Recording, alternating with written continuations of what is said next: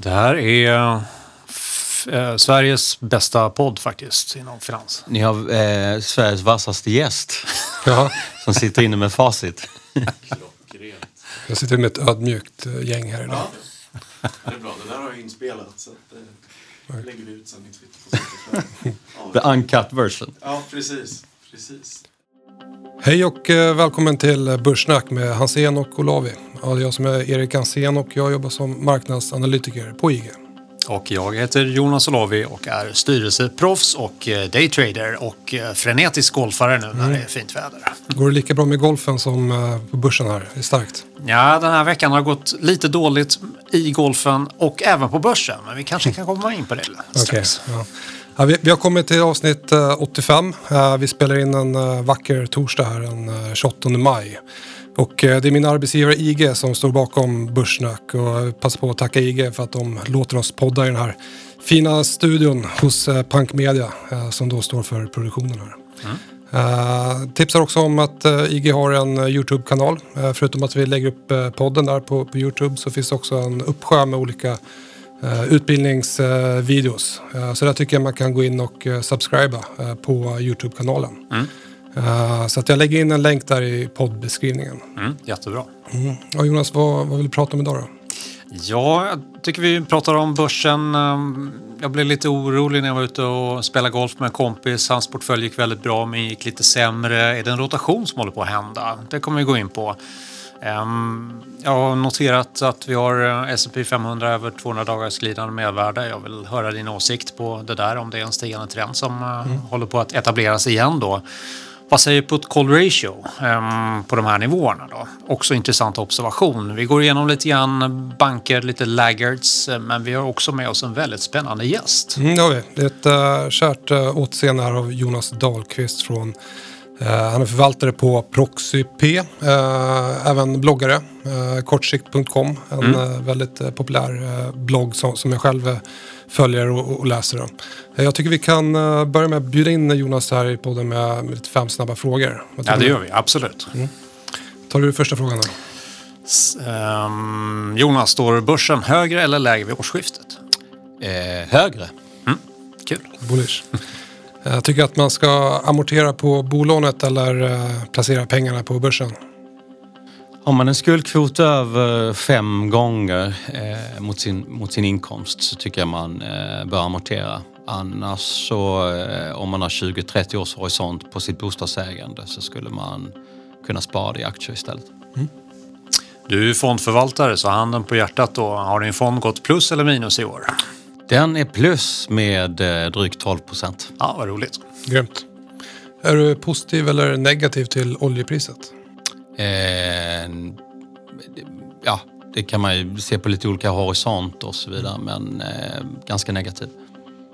Hur ser du på dollarn? Står dollarn högre mot kronan vid årsskiftet eller inte?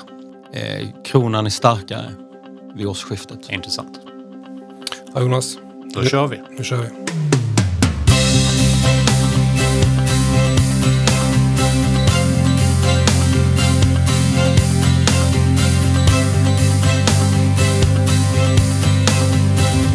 Börssnack med Hansén och Olavi. Ja, det råder partystämning här på, på aktiemarknaden eh, samtidigt som det är en del enkäter som visar att eh, fondförvaltare står utanför, eh, hedgefonder ligger nettokorta i marknaden. Eh, det är sån här pain trade. Eh, många som inte varit med på den här uppgången. Och det gör såklart ont då eh, när man missar en uppgång. Rent psykologiskt så brukar ofta kännas jobbigare att missa en uppgång än att eh, förlora pengar i en nedgång. Ja, så är det. Men vad, vad är din känsla? Du har ju varit lite positiv här, eh, var i alla fall förra veckan. Mm, absolut, jag är fortsatt positiv då, men eh, jag har mycket eh, bolag i portföljen som eh, rider på andra trender än den normala konjunkturen. Då. Och eh, de har haft lite tufft här eh, kortsiktigt. Jag var som sagt ute och spelade golf med en kompis och han gick och gladde sig åt sin portfölj. Och han eh, brukar ofta bottenfiska och läser på ordentligt då. Jag försöker ju följa trender och mer momentumaktör. Då. Så när jag tittar på min portfölj så såg inte den alls lika bra ut. Och då började jag titta in lite grann på vad är det som håller på att hända då. Och ehm, det har ju varit lite bankrally och en del av de där bolagen som har haft det väldigt tufft under coronatiden, de har rekylerat upp då. Medan de som har varit darling, som nu är kanske lite för högt värderade, eh, har rekylerat tillbaka. Vi har Evolution Gaming, vi har Sinch, vi har flera sådana här bolag som har legat i liksom, raka streck uppåt mer eller mindre då och eh, tagit lite notis om det som har hänt på, på börsen då. Så ehm, ja, vad är din känsla där? Är det en rotation vi håller på att se? Eh, det jag har eh, lite grann navigerat efter det är att eh, de här starka uppgångarna i techbolagen eh, att de skulle korrigera lite grann och det har vi sett här under veckan. Eh, det jag inte riktigt var beredd på det var ju då att eh, de här cykliska sektorerna skulle ta över taktpinnen Eh, och det är anledningen till att aktiemarknaden har fortsatt eh, uppåt. Eh, jag trodde lite grann att eh, marknaden skulle ta en paus. Men det är just den här sektorrotationen, den är ju såklart eh, livsviktig för eh, att en uppgång ska hålla. Ja, Och absolut. det är den som skapar dynamiken i hur rekyler ser ut. Mm. Så att just nu så är det de som har tagit över taktpinnen här. På lång sikt så har jag svårt att se att eh, det kommer fortlöpa. Men, men mycket beror ju såklart på ränteutvecklingen. Mm. Och Jag tycker också vi diskuterar om det här med, med Jonas. Mm. vad han har för take på det här. absolut. För just det här är ju superintressant i dagsläget. Om det är momentum och tillväxt som kommer fortsätta överprestera eller om det är värdeaktier som kommer ta över. Och när man pratar om värdeaktier då är det, ju, ja, det är banker och andra bolag då, som är lite mer eh, cykliska och gynnas ifall ränte, räntorna skulle stiga. Mm, exakt. Och det är ju som sagt frågan om de kommer göra det. Mm. Det finns väl flera faktorer som skulle kunna tala för att eh, det blir på räntemarknaden också en lite bättre optimism eller mindre pessimism kanske man ska uttrycka sig.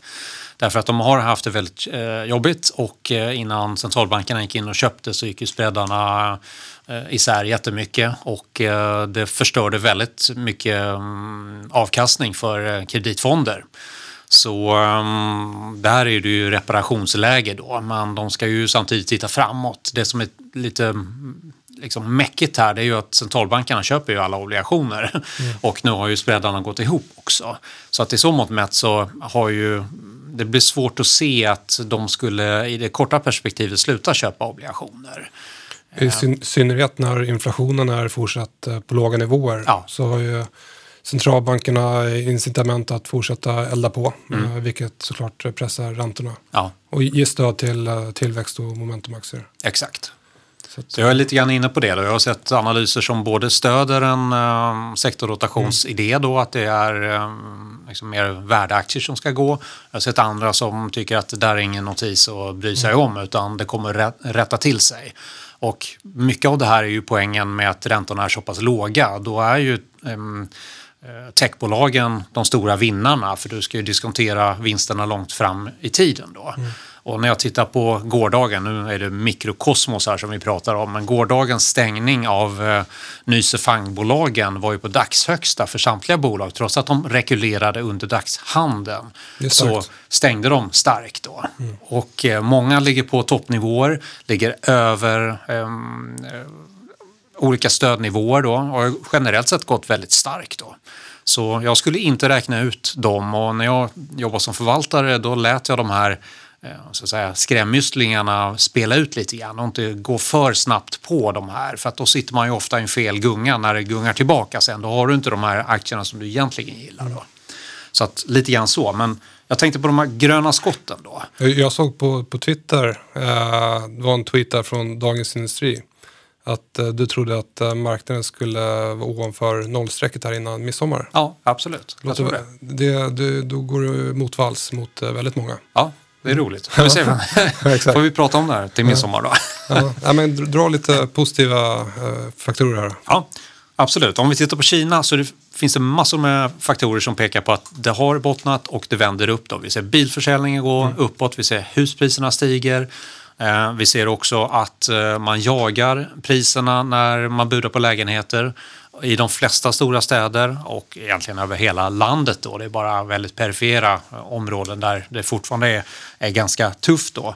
Eh, vi ser att Frankrike och Tyskland håller på att öppna upp då efter kraftiga nedstängningar. Vi ser England, Kanada, Australien, Italien, flera länder som nu försöker gå mot mer en svensk modell då och ser hur det går då. Det ska nog mycket till innan man kraftigt då stänger ner länderna igen då. Man ska aldrig säga aldrig, men det känns ändå som om nu har man lärt sig läxan. Det kostar väldigt mycket pengar att eh, göra så att man stänger ner länder totalt sett och eh, man kommer nog vara ganska försiktig med att dra på igen då i negativ bemärkelse då. Ehm, sen finns det ju länder som fortfarande har det väldigt tufft. Då. Indien har det väldigt kämpigt nu, flera av tillväxtmarknaderna. Brasilien eh, lika så.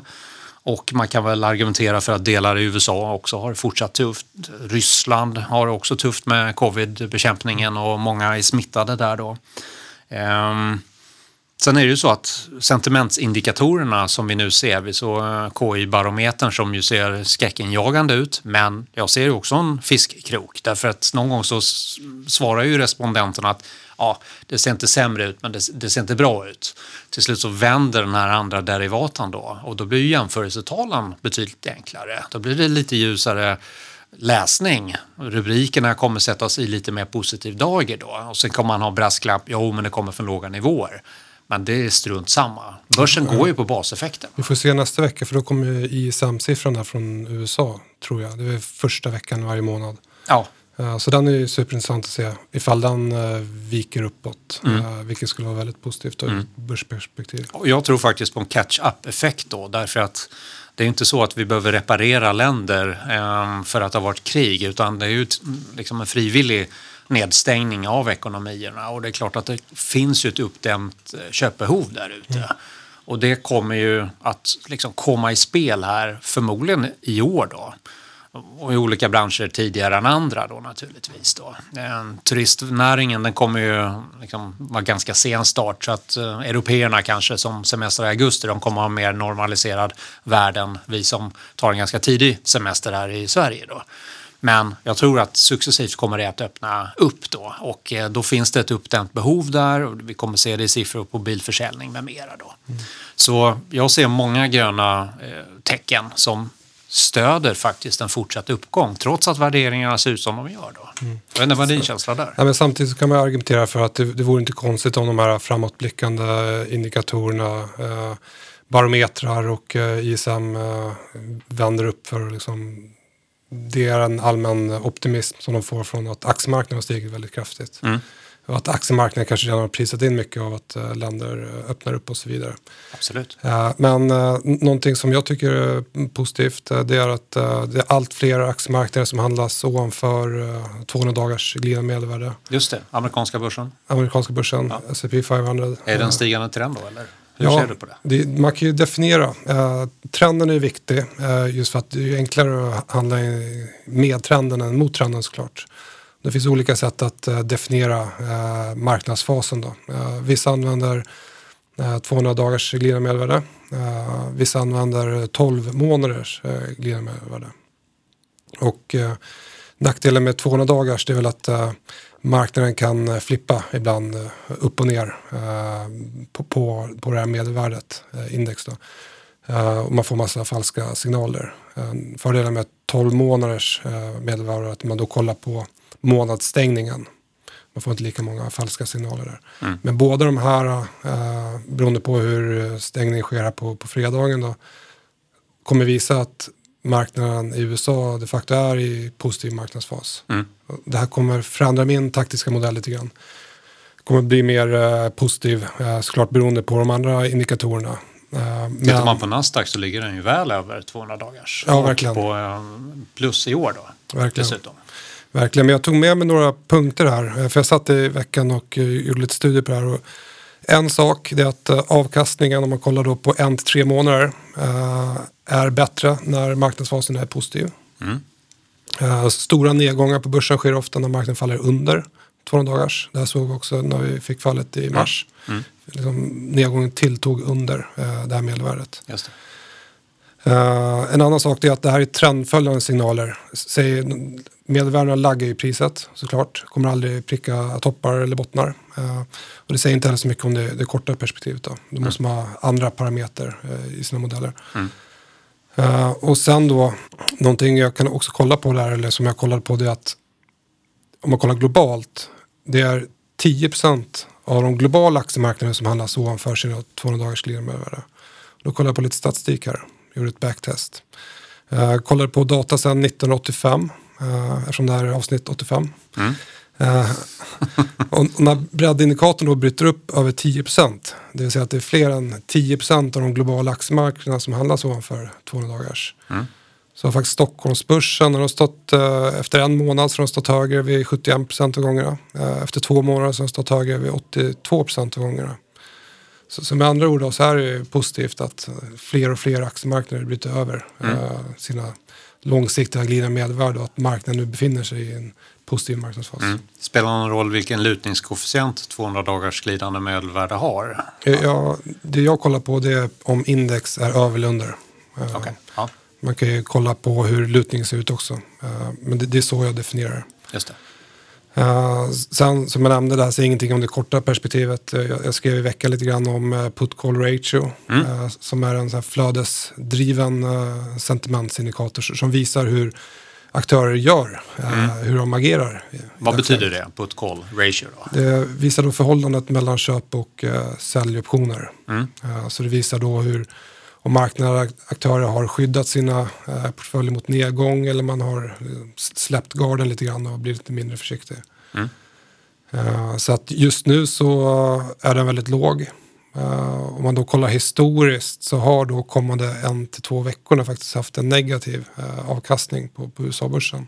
Om den är låg, är det fler som har köpoptioner än säljoptioner då? Eller? Det är fler som har uh, köpoptioner eller färre som har säljoptioner. Mm. Så att marknaden har blivit lite, lite släppt garden, blir lite mindre försiktig. Mm. Uh, och då blir marknaden lite mer sårbar för, för negativa nyheter. Okay. Så kortsiktigt uh, ser jag att uh, det är lite, lite varningssignaler ute men mm. på längre sikt så är det fler och fler uh, positiva signaler. Mm. Intressant. Mm. Så du hedgar lite grann i alla fall? Ja, måste man alltid göra. Uh, beroende på vad man har för perspektiv och så vidare. Så mm. att, uh, jag har ju varit neutral i min modell de senaste uh, veckorna. Uh, den, den fångar upp botten ganska bra i, i mars där. var, med, var med på uppgången men just nu så är det lite splittrade signaler så den är mm. neutral. Mm. Mm. Ska vi hoppa in på bankerna? Ja.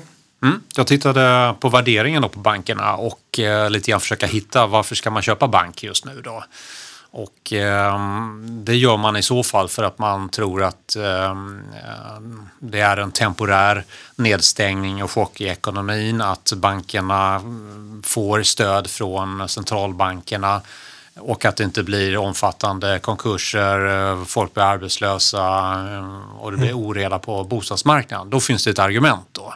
Och tittar man på eh, price book så handlas eh, svenska banker kring ja, 0,9 upp till 1,1 då som dyrast. Tittar man framåt där så ligger ju, mm, om man tittar på 2021 och 2022 så ligger ju samtliga under eh, Pricebook då, mm. på 1,0 då. Så att eh, det är ju rätt intressant och du har ju också en utdelning. Även om det är lite si och så med det i år så är det inte så att pengarna brinner upp utan de kommer ju kunna delas ut eh, eh under nästa år om det blir ett mer normaliserat år och vi får lite fason på covid-19 då och då har du en direktavkastning på kanske en 5-6 procent för bankerna vilket ju är konkurrenskraftigt då. Så utifrån ett value-perspektiv så kan jag helt klart förlika mig med att eh, det finns ett intresse intresse i bankerna. Men när jag tittar på dem tekniskt sett så är det väldigt svårt att hitta någon riktigt bra mm. liksom, trigger och formation. Det spikar upp ett par dagar och det ger liksom ingen systematik då om man tittar tekniskt på det. Sen har de, många av dem bildat någon typ av bottenformation under en längre tid och det kan räcka i en mer positiv dynamisk miljö då. Mm. Den här bottenformationen kan vara en fortsättningsformation. Det kan det definitivt vara och ofta är det ju så att när det blir en eh, konsolidering så brukar brotten ofta var i trendens riktning då och det skulle ju vara neråt. Nu försöker ju marknaden handla upp bankerna lite grann men när jag tittar på samma typ av aktier i USA så undrar jag om det inte är ganska mycket robotar som handlar. För att vi har samma diskussion i USA som vi har i, eh, på kontinenten i Europa som vi har i Sverige. Även i Asien har jag sett samma debatt så att, att den kommer upp samtidigt samma dag. Det kan ju bero på att alla sitter med Bloomberg och har samma information men på något vis är det ju, robotarna är ju ofta lite snabbtänktare än vad vi andra är då. Så att jag skulle säga att jag är inte helt övertygad på om att det är en bra köpsignal. Då. Sen kan jag förlika mig med att de som inte har hängt med eh, har en catch-up-effekt att göra. Då. Vi har Scandic Hotel, eh, vi har haft eh, Dometic, eh, New Wave, H&M. Allting fjädrar upp här nu. Då. Eh, så att det kan ju vara liksom att det blir ett lägerd rally då. Men, men, ja, lite ambi ambivalent där. Jag vet inte om jag riktigt ska ändra fot än, men jag, jag har sett signalerna nu då. Så får vi utvärdera det de kommande dagarna. Det låter som ändå att du står fast vid momentum. Jag står fast vid momentum. Vad tycker du om att uh, bjuda in eh, Jonas till podden? Det gör vi, absolut.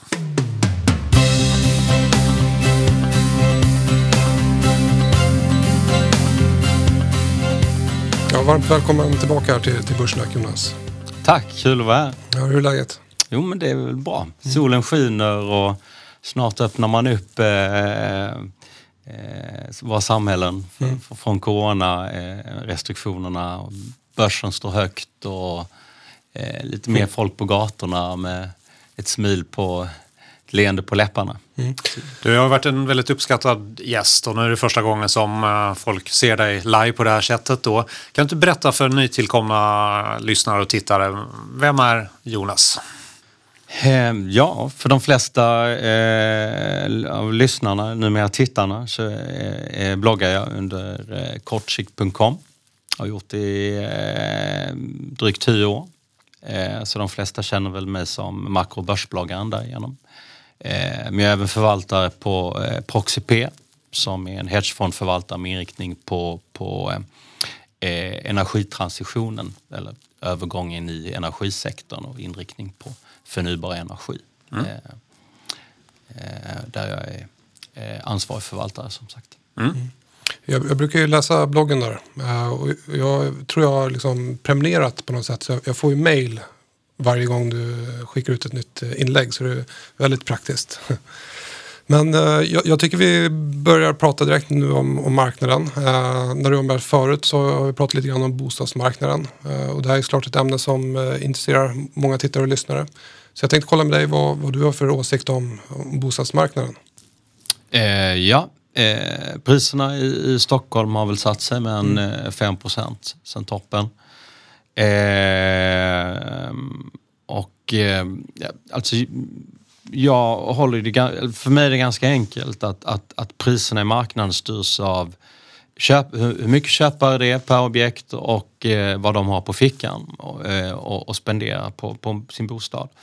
Och det styrs helt och hållet av, av eh, lånelöftet och lånelöftet bestäms enkelt uttryckt av kalkylränta och inkomst. Eh, och kalkylräntan är egentligen en funktion av bostadsobligationerna. Eh, så, så att i en helt normal marknad kan man säga att, att det, det är bostadsobligationsräntan, alltså bankernas finansieringskostnad eh, som styr eh, priserna. Eh, och eh, den, den, den har ju varit, eh, den har ju faktiskt, den räntan har handlats ner nu tack vare att Riksbanken har, har eh, den var stabil ett tag och sen började den stiga precis när coronakrisen slog till och då skulle alltså motivera lägre priser. Men sen gick Riksbanken in med sin, sin whatever it takes politik. Eh, liksom tog vid där, där Draghi slutade lite grann eh, och drev ner bostadsobligationen. Så det, det allt annat lika så, så beviljar då bankerna större lån än, än, än, än tidigare. Men då har du ju den andra aspekten att corona har inneburit eh, eh, korttidspermitteringar, eh, eh, lägre inkomster, osäkra inkomster, köpare som, eh, som, som eh, blir osäkra. Eh, så transaktionsvolymerna i marknaden har gått ner. Eh, precis som de gjorde där vid 2017, som ni kommer ihåg när de införde amorteringskravet. Och de flesta köpare är ju även säljare så att säga. Så att oron, liksom, eh, den aspekten har ju då eh, fått marknaden att sätta sig något. Eh, eh, och det är väl lite av en buyers market. Eh, även om säljarna inte riktigt är forcerade. För de flesta har, har sin inkomst och är inte tvingade att sälja. Tvingade att sälja skulle de ju bli då vid, en, vid liksom kraftigt stigande räntor där de inte kan eh, liksom, eh, lösa sina räntekostnader. Eh, Eh, vilket gör banken liksom tvingar av dem lånet vilket forcerar dem att sälja. Eh, det är ju mycket allvarligare. Eller att vi har en, liksom, en, en, en äkta recession som skulle få dem att eh, liksom mista inkomsten och därmed inte liksom, kunna lösa sina lån. Och då måste de ut till varje pris. Då faller priserna brant. Där är vi ju inte. Liksom. Eh, så att, eh, nej men det, det, kan nog vara lite buyers market eh, några, må några månader till. Eh, men jag ser ingen, ingen större nedsida. Faktum är att dagens bostadsobligationer motiverar högre priser med 50 procent. Mm. Så, så senare i höst om vi liksom kravlar oss ur den här corona-grejen eh, och jobben kommer tillbaka och, och eh, folk drar ner på sin sparkvot. Ehm, det vill säga även de med jobb har ju dragit upp sin sparkvot. De konsumerar mindre och sparar mer för att de är, de är osäkra eh, vad som händer. Men låt ställer de sin sparkvot, de korttidspermitterade i stor utsträckning återgår till sina jobb så jag är helt övertygad att, att marknaden kommer, givet då den här räntan som vi ser idag, eh, så kommer bostadspriserna komma tillbaka igen. Mm. Amorteringskravet där då?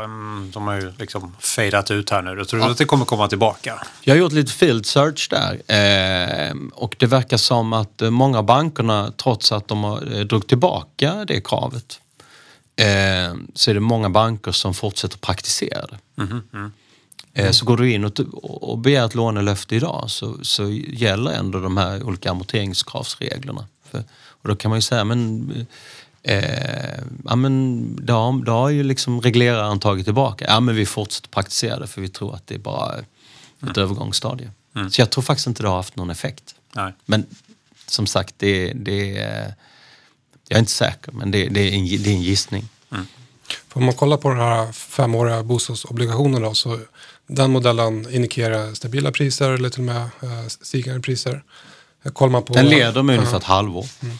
Kollar man på SCBs eh, boprisindikator där så indikerar den att priserna ska falla 5-10% eh, årstakt. Eh, men då anser du att hushållen är för pessimistiska i dagsläget då, antar jag? Jag, jag tror det är lite av en buyers market för att volymen har gått ner och de säljarna som verkligen är liksom känner sig tvingade att sälja, de kan tänka sig att gå ner i pris. Men de flesta avvaktar och väntar och ser. Mm. Och så, nej, men jag, visst kan det sätta sig några procent till. Jag tror att man Eh, ska skambuda där ute om man är förstagångsköpare eller om man byter upp sig. Eh, det är samma sak.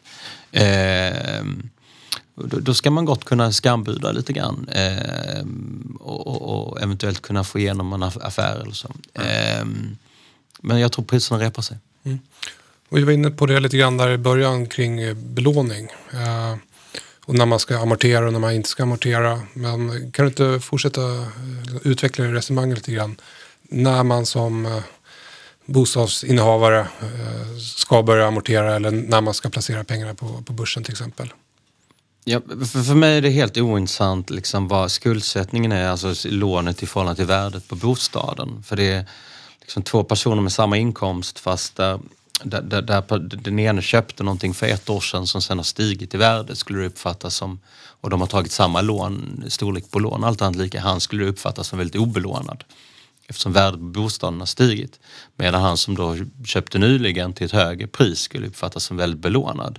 Så är det inte. De, de, om de har samma inkomst så har de samma förutsättningar att, att, att serva lånet eller betala ränta och amortera. Eh, så, så eh, nyckeln för mig är din, din eh, storleken på din samlade skuldsättning. Eh, in, alltså bolån och allt det andra. Eh, eh, och även din andel av bostadsrättsföreningens lån är också viktigt att ta in i, i förhållande till din, din årsinkomst. Eh, och då talar man ju om skuldkvot och, och har man en skuldkvot högre än fem så, så tycker jag det finns goda skäl att, att amortera. Eh, annars så tycker inte jag man behöver göra det faktiskt. Eh, och då vet man ju med sig själv, är man liksom eh, 60 och liksom snart kanske ska pensioneras och tappa sitt jobb och, och kanske flytta någon annanstans. Eh, ja, men då är ju fortfarande amortering aktuellt men för många av oss andra så har vi liksom 10, 20, 30 år till vi inte kommer att ha ett bostadslån längre eh, eller inte ha en bostad. Eh, Eh, eh, och då, då kan man ju liksom byta ut den horisonten mot ett aktiesparande istället. Eh, och, och, och, se potentiella, avkastningen i ett 30-årigt aktiesparande mot ett potentiellt amorteringssparande. Mm, så, så, att ehm, eh, betalar du 1,5 procents ränta på ditt lån så är det som amorterad på det så är det som att du sparar till 1,5 procents ränta. Mm. Och jag tror att du kan få bättre return på, på aktiemarknaden på 10, 20, 30 års sikt än så. Mm. Eh, och då tycker jag absolut man inte ska amortera. Det här är favoritfrågan då, rörlig eller bunden ränta, vad, vad tycker du? Eh, ja, men den är, den är svår. Jag, jag, jag, jag tror man kan binda. Jag, jag, är, jag är ganska optimistisk. Jag, jag är ingen epidemiolog. Det är, liksom, det är många som uttalar sig eh, de här dagarna. Men, men, så vi har ju egentligen ingen aning. Det har inte ens experterna själva. Eh, men, men givet att vi liksom eh, drar tillbaka restriktioner, eh, kan återgå till någon typ av normalitet i höst och, och, och 2021 ser ju väldigt starkt ut när många av stimulanserna faktiskt eh, får full effekt i ekonomin på allvar. För mm. det, det, det, är med en viss fördröjning. Mm. Eh, så att ehm, eh, givet att jag har en rätt positiv syn på, på framtiden eh, så tror jag eh, de amerikanska räntorna framförallt kommer fjädra tillbaks eh, i slutet av året eller i början av nästa. Och då tänker jag mig att, att ligger lönetakten kvar i USA på 2,5 procent så kommer kärninflationen ligga på ungefär 1,5 1,7 eh, någonting. Och den här temporära, den här nedgången vi ser nu är bara temporär. Eh, och Fed, om de känner sig bekväma med att vi har tagit oss ur corona och ekonomin rullar på som vanligt så mm. är inte de intresserade av att ligga på nollränta. Nej, Utan då tänker de neutralisera sin penningpolitik och lyfta, eh, lyfta räntorna mot, mot eh, kärninflationen. Mm. Det vill säga 1,25, 1,50 kanske. Vilket skulle indikera stigande ränta på lite sikt. Då. Precis, då får du korträntorna upp till samma nivå och sen så har du ju de långa räntorna upp mot kanske två i USA och sen kan du liksom extrapolera de räntorna på Europa och Sverige. Eh, så, så, så, jag tror man kan binda nog ingen dum idé. Mm.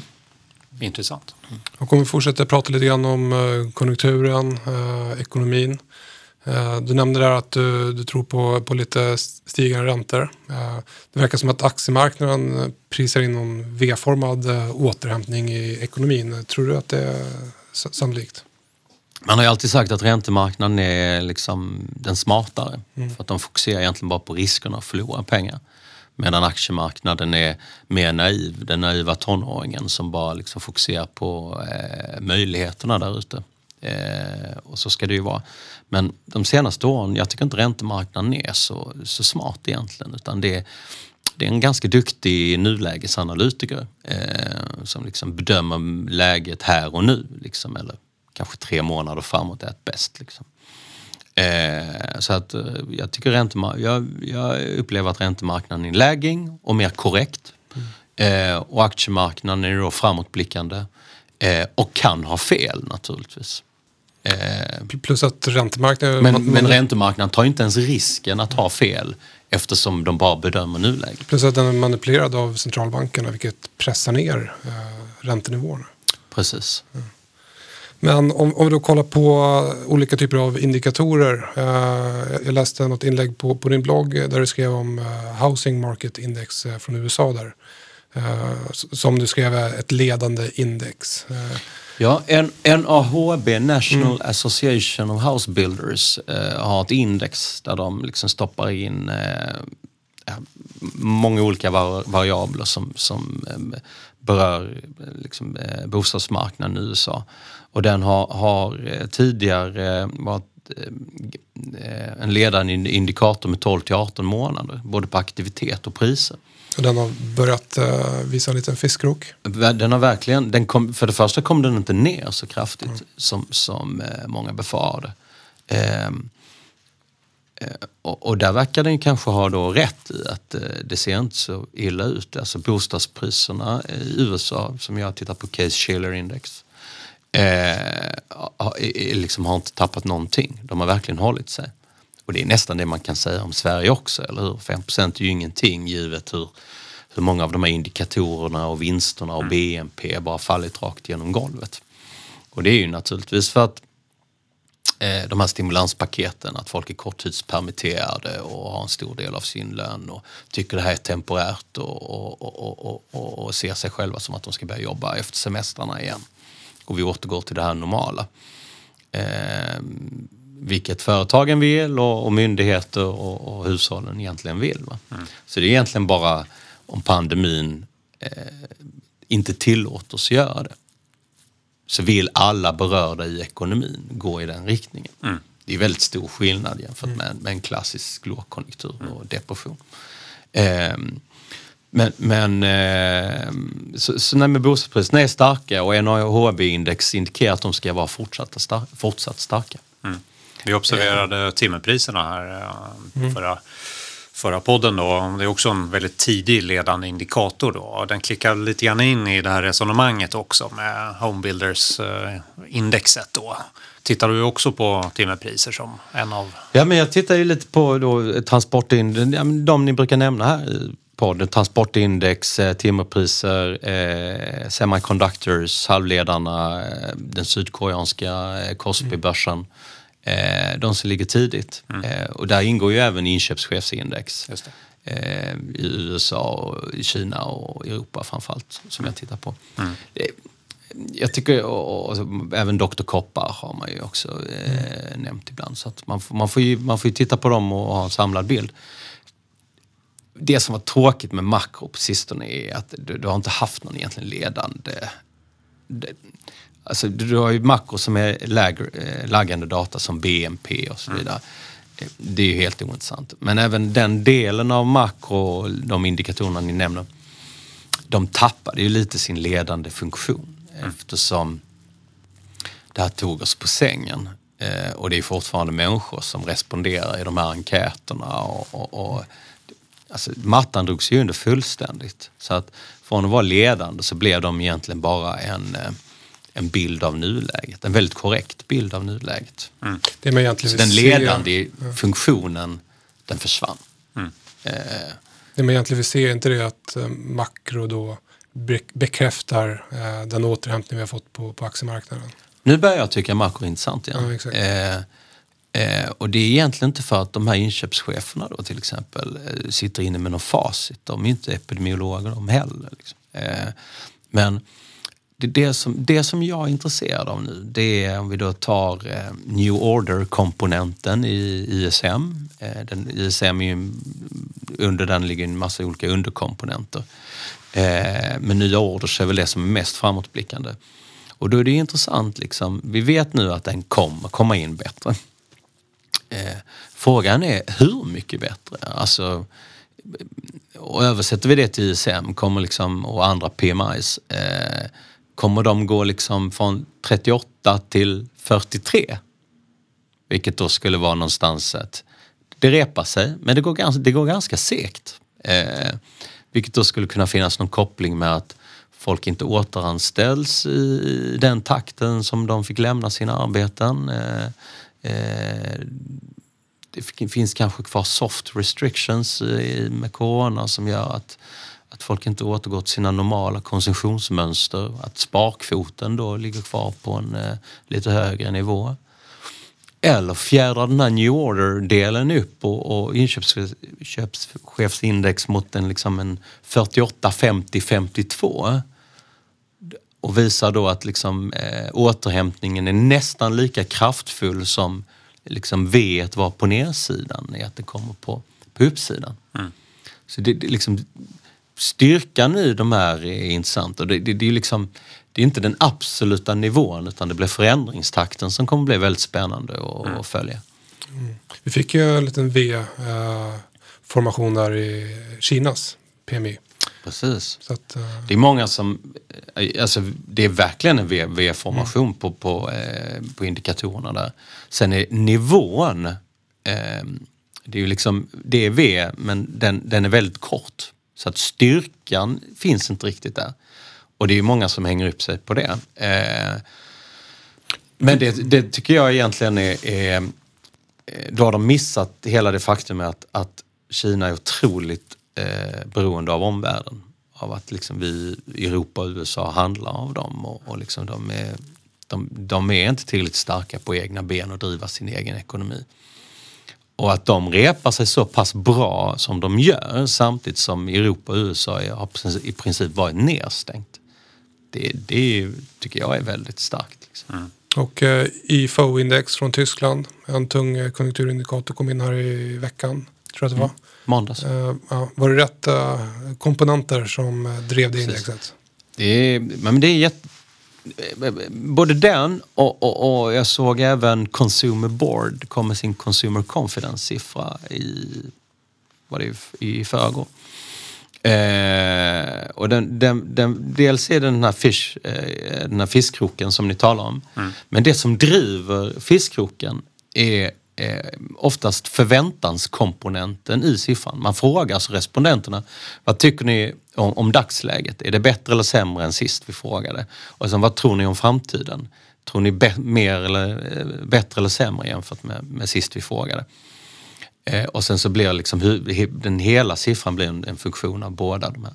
Och det är framförallt förväntanskomponenterna som, som driver det här. Vilket är positivt, eller? Ja men det är positivt för det betyder att, att alla vill komma ur det här. Alla vill börja jobba igen. Alla vill börja sätta sprätt på sin lön fram till den 25 varje månad. Precis som man brukar göra. Så ser bara företagen till att återanställa dem så att de liksom får tillbaka confidence och sin lön. Så verkar det ju som att, att, att konsumenterna kommer sätta sprätt på pengarna. Och då ser också företagen efterfrågan på sin topline.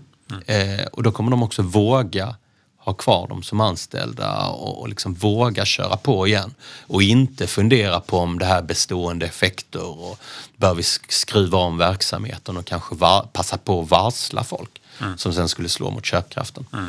Så att det är liksom lite hönan och ägget diskussion det här. Men eh, det, ser, det ser väldigt bra ut att förväntanskomponenterna drar. Eh, men det är ju inte facit, utan det är vad folk vill att det ska bli. Tonåringen som vill se möjligheterna. Vill se möjligheter. Ja, om vi tittar på covid då. Vad, tittar du på för indikatorer? Hur får du det till dig så att du kan skapa din bild av hur- läget är och sådär? Eh, jag tittar typ inte på covid längre. Nej. Eh, jag tycker det är lite old news. Eh, det jag tittade på var derivatan tidigare, förändringstakten i antal smittade. Så mm, där i mars när den toppade ur och vi började se liksom hur, hur andra derivatan började vända ner. Eh, så, så blev jag positiv så att säga. Och sen har ju den takten varit fallande så att säga. Och, och marknaden har ju liksom sen eh, 23 mars, eller när, när det bottnade, beroende på vad man tittar på, diskar ju, har ju diskat den här öppningen så att säga. Eh, och det, det är ju härligt att se att börsen är så f- liksom, härligt framåtblickande som den är. Sen när vi sitter och firar midsommar och, och folk går ut, liksom, är glada och tycker allting ser bra ut så kan man titta in på börsen och säga att ja men det, det, det är det man har diskat också. Så det finns liksom inga det finns inga cheap money liksom, som, liksom, eller enkla vinster som flyter omkring där ute utan marknaden diskar framtiden och man måste våga ta risk. Och eh, vad säger du till de som säger att eh, det är enbart eh, stimulanser, centralbankerna som, som står bakom eh, börsuppgången och att eh, det kommer inte kunna hålla i, i längden att centralbankerna går in så här? Vad är det för motargument? Alltså för det första, det är Om, man- om man kollar på historien, Mm. hur har det sett ut historiskt om man kollar 80-talet och så vidare? Det är ett skolboksexempel. Nu är det ju liksom, visst det är ganska extrem politik, men om du liksom i NEK A, när du läser den, så lär du dig att, att, att eh, en stat ska stimulera penning eller finanspolitiskt. Liksom. Men en stat ska generellt stimulera när den privata sektorn är under vattnet. För, för att jämna ut liksom. Eh, eh, den ska brassa på med budgetunderskott och, och, ta, upp, eh, och ta upp statsskuld så att säga. För, för att jämna ut. Och det var det den inte gjorde under depressionen 1929 till 1939 i USA. Utan då, då var man ju mer av att den privata sektorn ska liksom reda ut sina egna problem. Och det, det blev inte så bra. Liksom. Så att eh, vi ska, inte, vi ska liksom inte klaga på, på centralbankerna och, och, och eh, regeringar just nu. De gör det rätta i att stimulera. Det där de failar är ju att när vi börjar för, när det blir goda tider igen, eller som vi, vi hade liksom innan det här under några år. Då är de ju så populistiska och fega att de liksom eh, inte riktigt vågar backa, backa tillbaka så att säga. Mm. Eh, det är ju då man ska... Som när USA växte med 2,5 procent ish om året. Ja men då ska man tillåta QT och kanske amortera på statsskulden och så vidare. Och säga, ja men det kostar en procent. Eller, eller så här, och då kanske tillväxten bara skulle landa på en, en och en halv. Och därmed inte skapa riktigt lika många jobb och inte liksom driva på tillräckligt bra. Men det är priset man får betala för att man stimulerade under, under Lehman-kraschen och den recessionen som följde där. Eh, och nu gör man samma sak igen och vi kommer nog kravla oss ur det här. Eh, men ja, misstaget är inte det man gör idag. Misstaget är det vi gör om, om några år när vi liksom borde dra ner balansräkningarna. Men där de populistiska politikerna inte vågar. Ja, om man tittar på um, dollarn då, jag tänker det är en liten paradox där. Guldet har gått starkt. Och sen så håller man på och kör eh, QE anmas. Ehm, finns det inte risk för att förtroendet för valutorna, dollarn etc. eroderas? Att det verkligen blir att man krampaktigt håller sig fast i den här, så här guldmyntfoten som finns någonstans i bakhuvudet på folk. Då. Centralbankerna sitter med stora lager. De har ju gett den någon typ av stämpel trots att de inte tillber eh, guldkalven. Men ser du det som Det här risker är Goldbug-pedagogiken sen, sen tio, över tio år tillbaka. Alltså att deras agerande är, eh, kommer att bryta ryggraden på ekonomin och skulderna och skuldberget välter över oss och förtroendet eh, försvinner för valutan och allting går upp i rök och alla ja, går tillbaka till stenåldern och då ska man sitta där med guld för då är man kung. Det funkar inte så. Guldet, guldet drivs primärt av realräntan, det vill säga nominell ränta minus inflation. Så om vi, om vi bortser från inflationen och, för, i, i nuläget så är det att, att räntorna föll, alltså föll eh, alternativkostnaden för eller alternativintäkten för pengar. Och då blir guld mer eh, attraktivt. Mm. Och sen naturligtvis, varför föll räntorna? Jo, det var ju för att vi liksom, eh, liksom kastade oss in i, i, i det här, eh, den här recessionen som det faktiskt är. Eh, och då, då, då, då är det ju lätt att säga att, man, man, att guldet stiger för att alla flyter säkerhet för världen kommer gå under och på grund av oansvarigt agerande. Men egentligen är det bara att räntorna föll. Så om vi kravlar oss ur det här i höst eh, och, och, och 2021 blir bra och, och ehm, Fed till viss del då reverterar sin penningpolitik, då kommer räntorna stiga och då kommer, då kommer guldet att falla igen. Eh, och, och goldbugs, eh, som jag kallar dem då, eh, de tror jag inte riktigt, för de är ju negativa till agerandet idag. Men även när vi sitter 2021 så kommer de ju peka på det här agerandet och skulderna i systemet och de stora balansräkningarna och så vidare. Så de kommer ju vara bullish guld hela tiden, även när guldet faller. Eh, men men ehm, eh, de har fel, skulle jag säga. Eh, sen är det klart, kan en, kan en, eh, kan en eh, kan man trycka hur mycket pengar som helst. För det första måste man skilja på USA och dollarn och typ alla andra. Skulle Sverige agera liknande då skulle vi ganska lätt hamna i en förtroendekris. För vår valu- valuta är inte världsvalutan som dollarn är. Eh, så att USA är i en, en annan position. Sen ska man skilja mellan att eh, om, om, om, om en centralbank trycker pengar och köper upp alla obligationer som är där ute. Fast man emitterar inga, det emitteras inga nya obligationer utan det är bara exakt samma som, som, som, som, som finns. Så att, säga. att vi inte drivs några budgetunderskott och så vidare. Eh, utan det är bara samma obligationer. Om de trycker pengar och köper upp allihopa Det enda som händer är att de får obligationer på sin tillgångssida eh, och sen så eh, har de någonting som heter eh, bank reserves på, på, på, eh, på sin skuldsida. Och bland bankerna, eh, hela banksystemet, så har du då bank reserves, motsvarande post på tillgångssidan. Och sen på bankernas skuldsida har du alla pengarna, cash. Som då, de här som trycktes och sen så köptes av, där, där, där centralbanken gick in och köpte den här obligationen. Och så fick han ju cash i utbyte som han sen stoppade in på banken. Så att systemet är slutet, ingenting nytt har tillkommit. Sen säger vi x antal tid efter när den här, och alla de här obligationerna förfaller, så säger centralbanken eh, vi är inte intresserade av att rulla över den här skulden. Eh, ni får lösa det hur vi vill, men vi ska ha cash. Eh, då tvingas privata sektorn suga upp den skulden, eller hur? Men då har de ju de här kontanterna som de precis fick av centralbanken. Som de kan köpa eh, alla de här skulderna som sen rullas över i en exakt likadan. Varpå centralbanken får in sina kontanter och makulerar dem lika lätt som de tryckte dem. Och då är systemet helt återställt. Det, så att QE i sig är absolut inga problem om man bara ser det till det här slutna systemet det. och inte emitteras något nytt.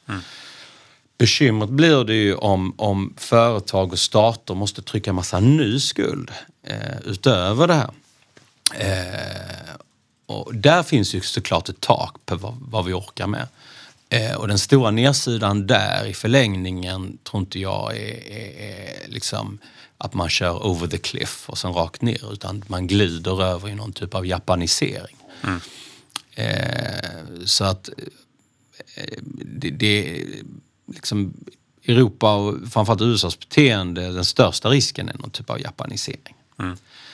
Sen kan man jämföra Japan med, med USA och Europa rakt av? Nej, det kan du inte. För att de har en, deras demografi med många gamla människor och få unga. Det, det, är, inget, det är inget bra. Eh, de, eh, de byggde upp en otroligt konkurrenskraftig industri under 70-80-talet. Eh, och den är fortfarande helt okej. Men de som tog över var i Kina på low-end-sidan. Och sen har du egentligen USA med liksom Apple, Microsoft och Fang och dem på high-end-sidan. Så, så liksom eh, Japan och Tysklands edge, liksom, de har upp, kunnat upprätthålla liksom innovationsförmågan och produktiviteten. Men de är ju inte leading längre. Eh, så att eh, man kan inte bara säga att USA kommer bli som Japan. För du har, eh, du har väl, du, det är väldigt stora skillnader. En, om jag Och det händer ut- inte över en natt. Mm. Om jag spelar ut det här scenariot då att eh, saudierna känner sig eh, misshandlade av USA. De byter valuta. Eh, de tar bara betalt i renminbi. Mm. Vad tror du kommer hända då? Vad, liksom då, då minskar potentialen för att kvarhålla dollarn som världsvaluta. Renminbin kommer och blir en konkurrent helt enkelt. Eh, oljan är en stor produkt i världen. Hur skulle det spela ut om det blir så? Det, jag tror att Saudi skulle göra det eh, det är lite främst för att reta USA kanske. De, de reella ekonomiska konsekvenserna tror jag blir ganska måttliga. Eftersom renminbin i sin tur är peggad mot dollarn. Nu ja. Eh, för tillfället. ja. Så att egentligen byter de från dollar till dollar. Sen gör ju, som jag följer ju renminbin. Eh, det är en viktig indikator.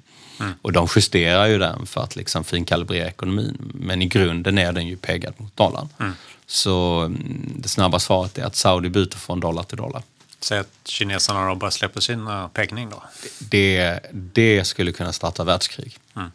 Det är en stor grej. Alltså, eh, nu är många oroliga över konflikten Kina, Kina och USA.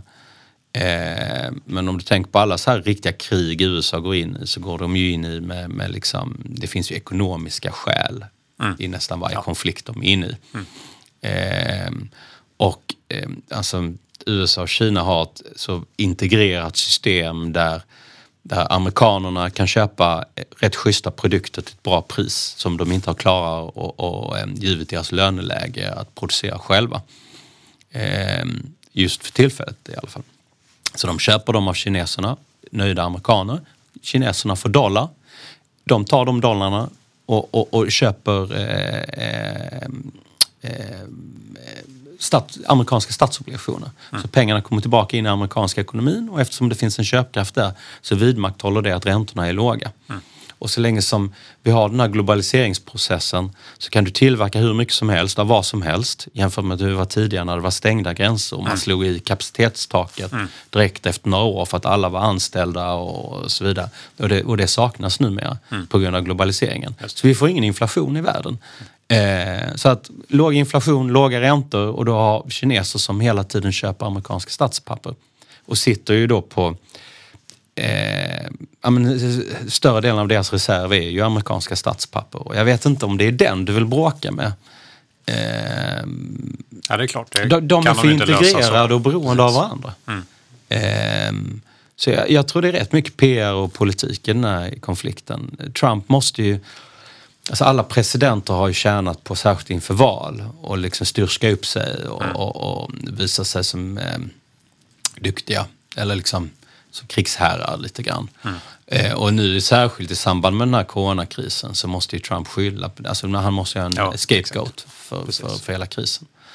Eh, och ur Kinas perspektiv, alltså, alltså nej men jag tycker liksom Kinas eh, eh demokrati har ju minst sagt många brister. Eh, eh, men, men jag kan också förstå dem att eh, Hongkong då är en liten, en liten enklav där, där du har liksom en annan typ av demokrati och liberalister som vill ha det på sitt sätt. Eh, det är inte första gången ett land har liksom brottats med eh, en minoritet som vill andra grejer. Eh, sen nej, jag försvarar inte det Kina gör, tvärtom. Men, men det är inte helt ologiskt. Mm. Jag och Jonas diskuterade lite grann innan om eh, just att eh, tillväxtaktier har börjat tappa lite momentum samtidigt som eh, värdeaktier. Vi har sett den här rotationen här i veckan. Mm. Hur ser du på den? Ja, bra fråga. Eh, nej men Jonas sa det bra i början av podden där. Jag är också eh, stor, stor anhängare av, av till, tillväxt. Eh, av, av två enkla skäl. Att, att liksom vinsten där fem år ut, om den är betydligt högre så kommer aktiekursen allt annat lika följa, följa vinsten och den gör den inte i ett värdebolag. Utan där står vinsten still och det enda du får i utdelningen. Det är den ena faktorn. Den andra faktorn är just diskonteringsräntan. Eh, är räntorna höga så är en vinst fem år ut inte värd någonting för den diskonteras ner så mycket. Men är räntorna noll och inget så är en vinst fem år ut värd väldigt mycket. Så, så jag gillar tillväxt. Eh, men det faktum att de här eh, value-aktierna och de som inte hängt med har ju, nu gör en catch-up. Det är, det är bra och dåligt. Det är dåligt i det korta perspektivet för det kan betyda att vi är i slutet av den här uppgången som har pågått sedan eh, i slutet på mars. Vet, de här, värderingsgapet mot tillväxtaktier blir så stort att de gör en catch-up och det gör de oftast i, i slutet. Mm. Så det, det tyder på att marknaden är toppish för tillfället. Eh, men i det längre perspektivet så, så, så är det bra. För vi ska ju inte tro att fangbolagen lever i en, i en världsekonomi där allting blomstrar och ser bra ut och de ser, uppvisar fin tillväxt och säljer till de här hushållen som har pengar att spendera. Medan ett valuebolag, eh, en banksektor till exempel, eh, tampas med fallande vinster till följd av kreditförluster för att samma hushåll inte klarar betala sina, betala sina lån. Men samtidigt ska de kunna handla på Amazon. Alltså de, de, de eh, slår mynt av samma ekonomi i mm, slutändan. Mm, så att, att eh, vill du ha en lång trend på, på, på, på börsen så måste alla bolag hänga med. För att alla bolag är beroende av ekonomin. Men jag tror helt klart på att ditt tillväxt, tillväxtbolagen inom den här trenden som kommer gå bäst. Hur ser du på Stockholmsbörsen här framöver? I de snabba frågorna så sa du att börsen kommer att stå högre vid eh, årsskiftet. Vad ser du framöver? Eh, nej men jag tror vi är på väg att toppa ur någonstans kring 1700 på OMX plus minus 20-30 punkter kanske. Eh, sen är det dags för eh, konsolidering igen. Jag ser 1475 eh, på OMX som en tekniskt extremt viktig nivå. Så, lång, så länge som vi liksom håller oss ovanför 1475 så är det min tolkning att marknaden tror på en värld utan corona i förlängningen. Mm. Bryter vi ner där under så betyder det att corona kommer tillbaka och slår undan benen på oss. Och så här. så att det, tekniskt så, så eh, tycker jag man har ett försprång och tittar på marknaden jämfört med att vara fundamental. För att fundamental kan du inte ligga så långt framme liksom, och förstå vad som händer. Så jag, jag är väldigt trogen mina tekniska signaler. Eh, så att, nej, men jag tror på kortsiktig peak och sen konsolidering, 1475 på nedsidan. Kanske ska vi nå dit eller inte, det vet jag inte. Klassisk korrektion i Fibonacci, 38 procent eh, av den här rörelsen. Det skulle jag se som ganska normalt. Eh, och sen får väl liksom värderingarna lite grann växa in i verkligheten. Eh, och sen är jag bullish för 2021. Eh, alltså innan corona slog, slog till, eh, om vi bara liksom, för en, enkelt uttryckt eh, säger att vinsterna för 2019 var 100 så trodde man då på 110 i vinster för 2020 120 för 2021. Mm. Nu tror jag att vinsterna för 2020 trillar ner till 85 kanske. Eh, mot 110 då innan corona. Mm. Eh, men jag tror mycket väl vinsterna 2021 kan bli 120. Det vi trodde liksom eh, innan corona. Eh, och ska vinsterna eh, komma in på den nivån nästa år, då ska man använda den här konsolideringen som vi står inför. Att köpa in sig. För då, då kommer vi inte bara nå all time high, utan även passera den. Spännande. Du eh, förvaltar ju och eh, du nämnde inledningsvis att eh, det går bra. Du ligger plus i år. Kanske inte någonting som är förvånande, men kan du beskriva lite grann? Vad, vad är det du gör och vad- är det för fond du förvaltar? Ja, eh, normalt sett säger man ju att det är en hedgefond eh, som jag förvaltar. Men vi kallar det mer en alternativ investeringsfond. Det vill säga vi kombinerar eh, egentligen tre olika positioner. Långa, det vill säga köpta aktier, korta, blankade. Och så jobbar vi med så kallad beta market hedging av, den, eh, liksom, eh, av portföljen totalt sett. Så att ehm, ehm, jag ligger mellan 100-140 procent lång. Jag ligger ehm, 20 till eh, 60 procent kort. Och sen, alltså det vill säga en rätt hög nettoexponering mot marknaden. Men den kan jag i sin tur också hedga bort som det här tredje benet. Just det. Eh, så att vi har inte, över tid vill vi såklart nå absolut avkastning men, men eh, vi garanterar inte absolut avkastning i varje läge. Och det vi fokar på är då Energy Transition eller omställningen vi ser i energisektorn. Som jag tycker är, eh, och då pratar vi framförallt om elektrifiering av alla transporter.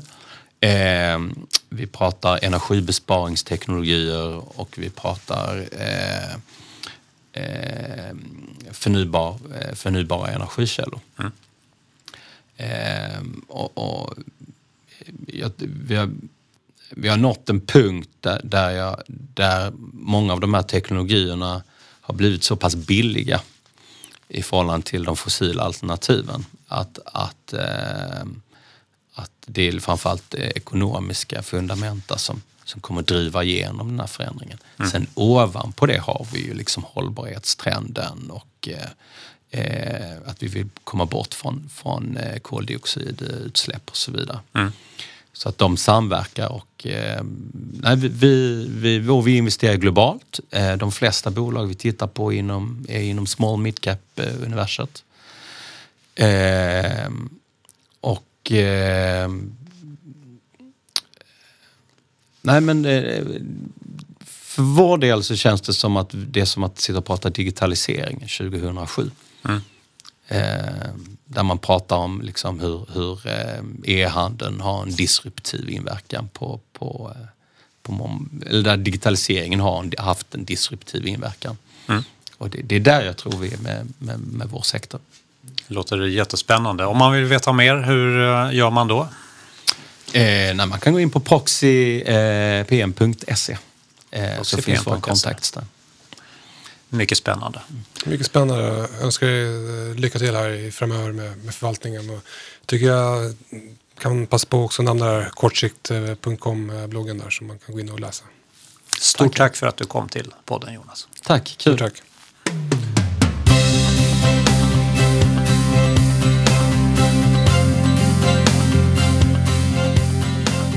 Ja, Jonas, om vi snabbt ska sammanfatta veckans avsnitt, vad vill du lyfta fram? Ja, att vi har en hel del gröna skott där ute och marknaden går hög på det. Många marknader handlas nu över 200 dagars glidande medelvärde vilket brukar vara signum för att eh, det ser lite bättre ut. Mm. Men vi har också fått en liten intressant twist här när cykliska bolag eller med värdebolag har gått lite bättre momentum i det rent korta perspektivet, ett par dagar när. Är det en trend eller inte? Vi är inte helt övertygade där. Vi hade också med oss eh, Jonas här från eh, Coaching.com. Eh, vad tog du med dig av samtalet? Nej, men framförallt att den har en, verkar ha en positiv syn överlag på både bostadsmarknaden, ekonomin och aktiemarknaden. Mm. hans modell där med femåriga bostadsobligationen indikerar en stabil bostadsmarknad. Mm. Till och med stigande priser på sex månaders sikt. Mm. Uh, och uh, verkar även ha en positiv syn till aktiemarknaden där om man kortsiktigt uh, tyckte att det såg lite toppish ut. Mm. Bland annat då att de här ledande bolagen, uh, techbolagen och tillväxtaktierna börjar, momentum där börjar avta lite grann, såg mm. som ett litet svaghetstecken. Han hade en nivå där på 1700 punkter för OMXS30 och sen på nedsidan 1475 punkter. Mm samband med tidigare botten där. Vill gärna se då att marknaden befinner sig ovanför eh, mm. 1475 punkter därför att eh, det liksom positiva caset ska vara intakta. Mm. Och sen så um, tog han en bankekonom-kostym uh, på sig och sa att man skulle binda räntorna. Mm. Uh, tog jag med mig och att han var väldigt positiv inför 2021 om vi inte får en uh, återkomst av uh, covid-19. Mm. Så att, det tyckte jag var väldigt positivt. Och negativ till guldpriset? Negativ till guldpriset, det ska mm. vi prata mer om i kommande podd. Precis, han nämner att guldpriset följer realräntan. Det är en graf som jag brukar lägga upp på, på Twitter. Där, så mm. att, Ja, eh, stigande räntor där skulle såklart vara negativt för guldet. Absolut. Det är någonting som vi kommer att prata om eh, nästa vecka, eller hur? Det kommer vi göra. Mm. Men med de orden så tycker jag vi tackar eh, lyssnare och tittare för att ni hängde med oss på den här exposén och tackar återigen då Jonas för att han ställde upp återigen. Mm. Och eh, kom ihåg att de eh, aktier som nämns här inte är några köprekommendationer ehm, och eh, vi rekommenderar heller inte köp av eventuella fonder som nämns här utan man ska läsa på och jag tycker man går in på proxypm.se och läser på mer om Jonas fond om man tyckte att det lät spännande. Så med de orden tycker jag vi hälsar god helg. Trevlig helg.